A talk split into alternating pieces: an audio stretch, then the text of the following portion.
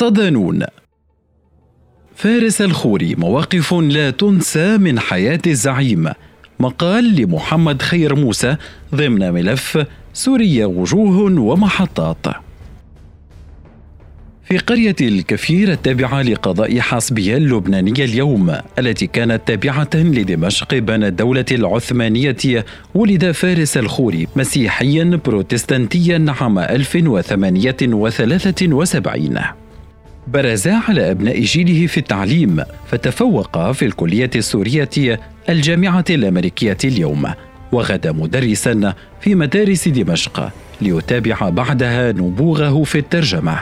إذ غدا مترجما في القنصلية البريطانية بدمشق ومالت نفسه إلى القانون فتخرج في كلية الحقوق حتى بات أبرز مدرسيها. ثائر نادم على ثورته على السلطان. دخل الخوري معترك السياسة بانضمامه لجمعية الاتحاد والترقية التي تعد أول الأحزاب نشوءا في ظل الدولة العثمانية وصاحبة الدور الأكبر في خلع السلطان العثماني كان الخوري في غمرة الشباب والحماسة والاندفاع فظن أنه بمعارضته السلطان عبد الحميد يناصر الحق فكان همه تحسين مستوى التعليم والبريد والبرق. كما رفض الرقابة الأمنية فاشتهر بمعارضته لمسألة فتح المكاتيب ومراقبتها. هاج السلطان عبد الحميد بقصيدة قاسية عقب نجاح جمعية الاتحاد والترقي في عزله جاء في مطلعها. الله أكبر فالظلام قد علموا لأي منقلب يهوى الآل ظلموا. لقد هوى اليوم سرح الظلم وانتفضت اركانه وتولت أهله النقم. غير أنه سرعان ما اكتشف أنه كان ثمرة خديعة كبيرة من هذه الجمعية فانسحب منها وبقي يحمل في نفسه الندم على مناصرتها ضد السلطان عبد الحميد. إذ كتب في اخير حياته لم أندم في حياتي على شيء قدر ندمي على القصيدة التي نظمتها وهجوت فيها السلطان عبد الحميد. وتأكد لي فيما بعد بما لا يقبل الجدل أن هذا الخليفة المسلم راح ضحية ثأر اليهود فشرعت منظماتهم للعمل مع الدول الاستعمارية على مناواته شخصيا وعلى كيان الدولة العثمانية.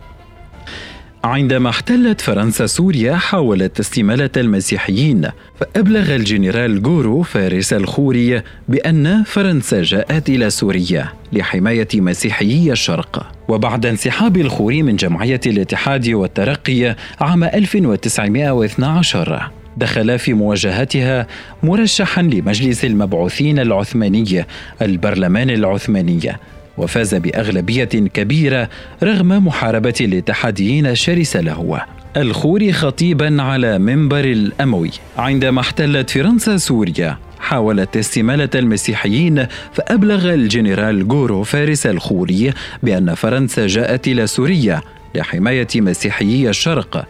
فقصد الخوري الجامع الأموي يوم الجمعة.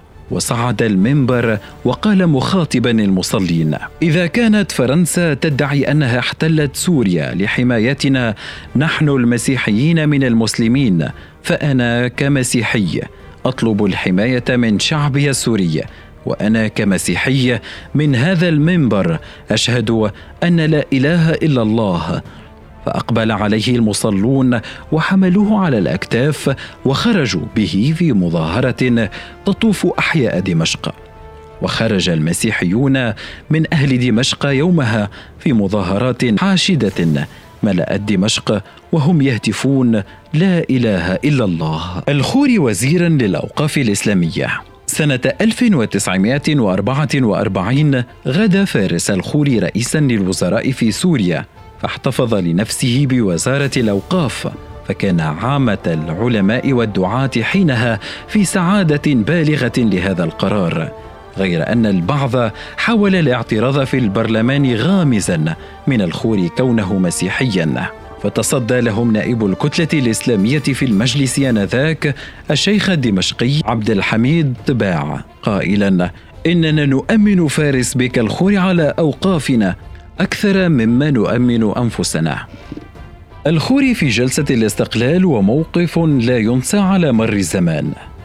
في الأمم المتحدة التي ساهم الخوري بوضع نظامها وبروتوكولاتها وكان يمثل سوريا فيها طلبت سوريا اجتماعا للمطالبة برفع الانتداب الفرنسي على أراضيها دخل الخوري بطربوشه الأحمر وبدلته البيضاء قبل بدء موعد الاجتماع متوجها بسرعة إلى مقعد المندوب الفرنسي وجلس على الكرسي المخصص لفرنسا.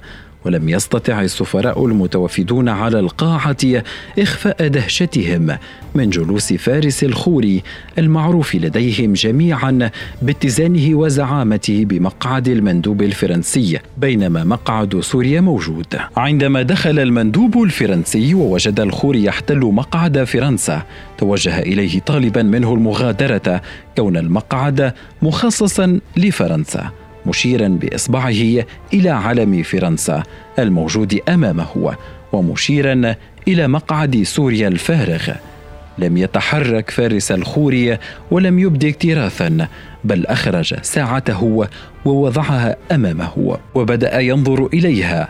والمندوب الفرنسي يحاول تمالك أعصابه وهو يطالب الخوري بترك مقعده. لكن فارس الخوري استمر بالنظر إلى ساعته وهو يقول بصوت مرتفع يسمعه الجميع.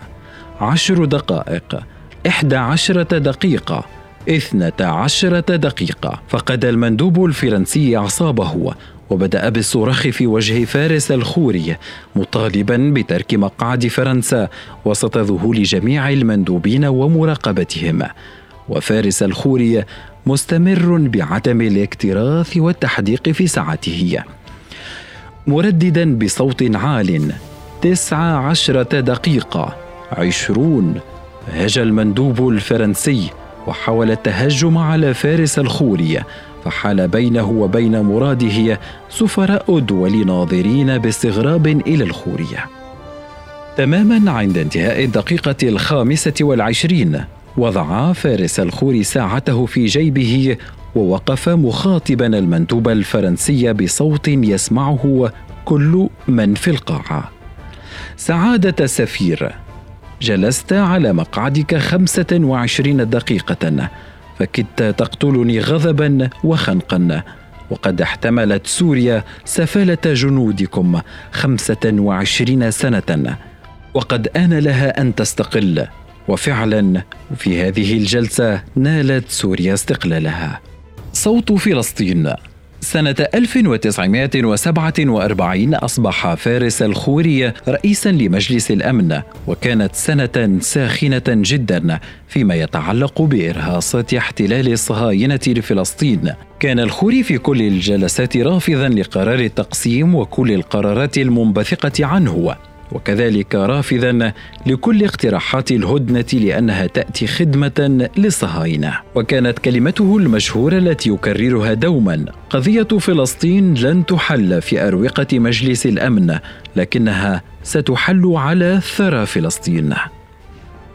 عبد الناصر سبب خيبته واعتزاله. كان الخوري يظن أن القيادة المصرية التي عرفت دوره وتفانيه في الدفاع عن قضايا مصر بالمحافل الدولية ستقدره وتحفظ له تلك المواقف. لهذا سارع إلى مصر للتوسط عند جمال عبد الناصر لعدم تنفيذ حكم الإعدام بستة من قيادات جماعة الأخوان المسلمين عقب حادثة المنشية الشهيرة.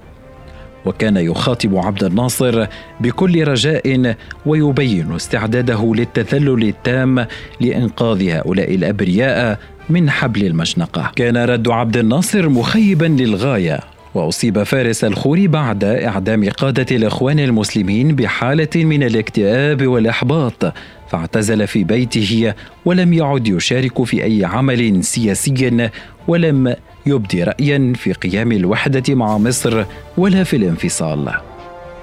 مات مسلما. عام 1960 ميلادية أصيب فارس الخوري بكسر في عنق الفخذ وهو في غرفة نومه. فلزم الفراش حتى وفاته إلى الثانية من نوفمبر كانون الثاني عام 1962 عام 1962 يقول الشيخ علي طنطاوي في ذكرياته عن مرض فارس الخوري ووفاته. لما مرض وطال مرضه رأيناه كلما عاده أحد من المسلمين حدثه عن الإسلام.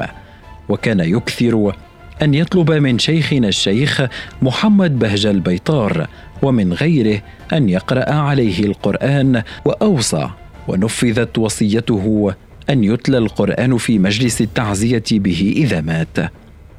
فكنت أحار في تفسير هذا كله حتى نشر الأستاذ محمد الفرحان كتابه عنه وقد كان ملازما له في مرضه لا يفارقه ابدا فإذا هو يؤكد أنه مات على دين الإسلام.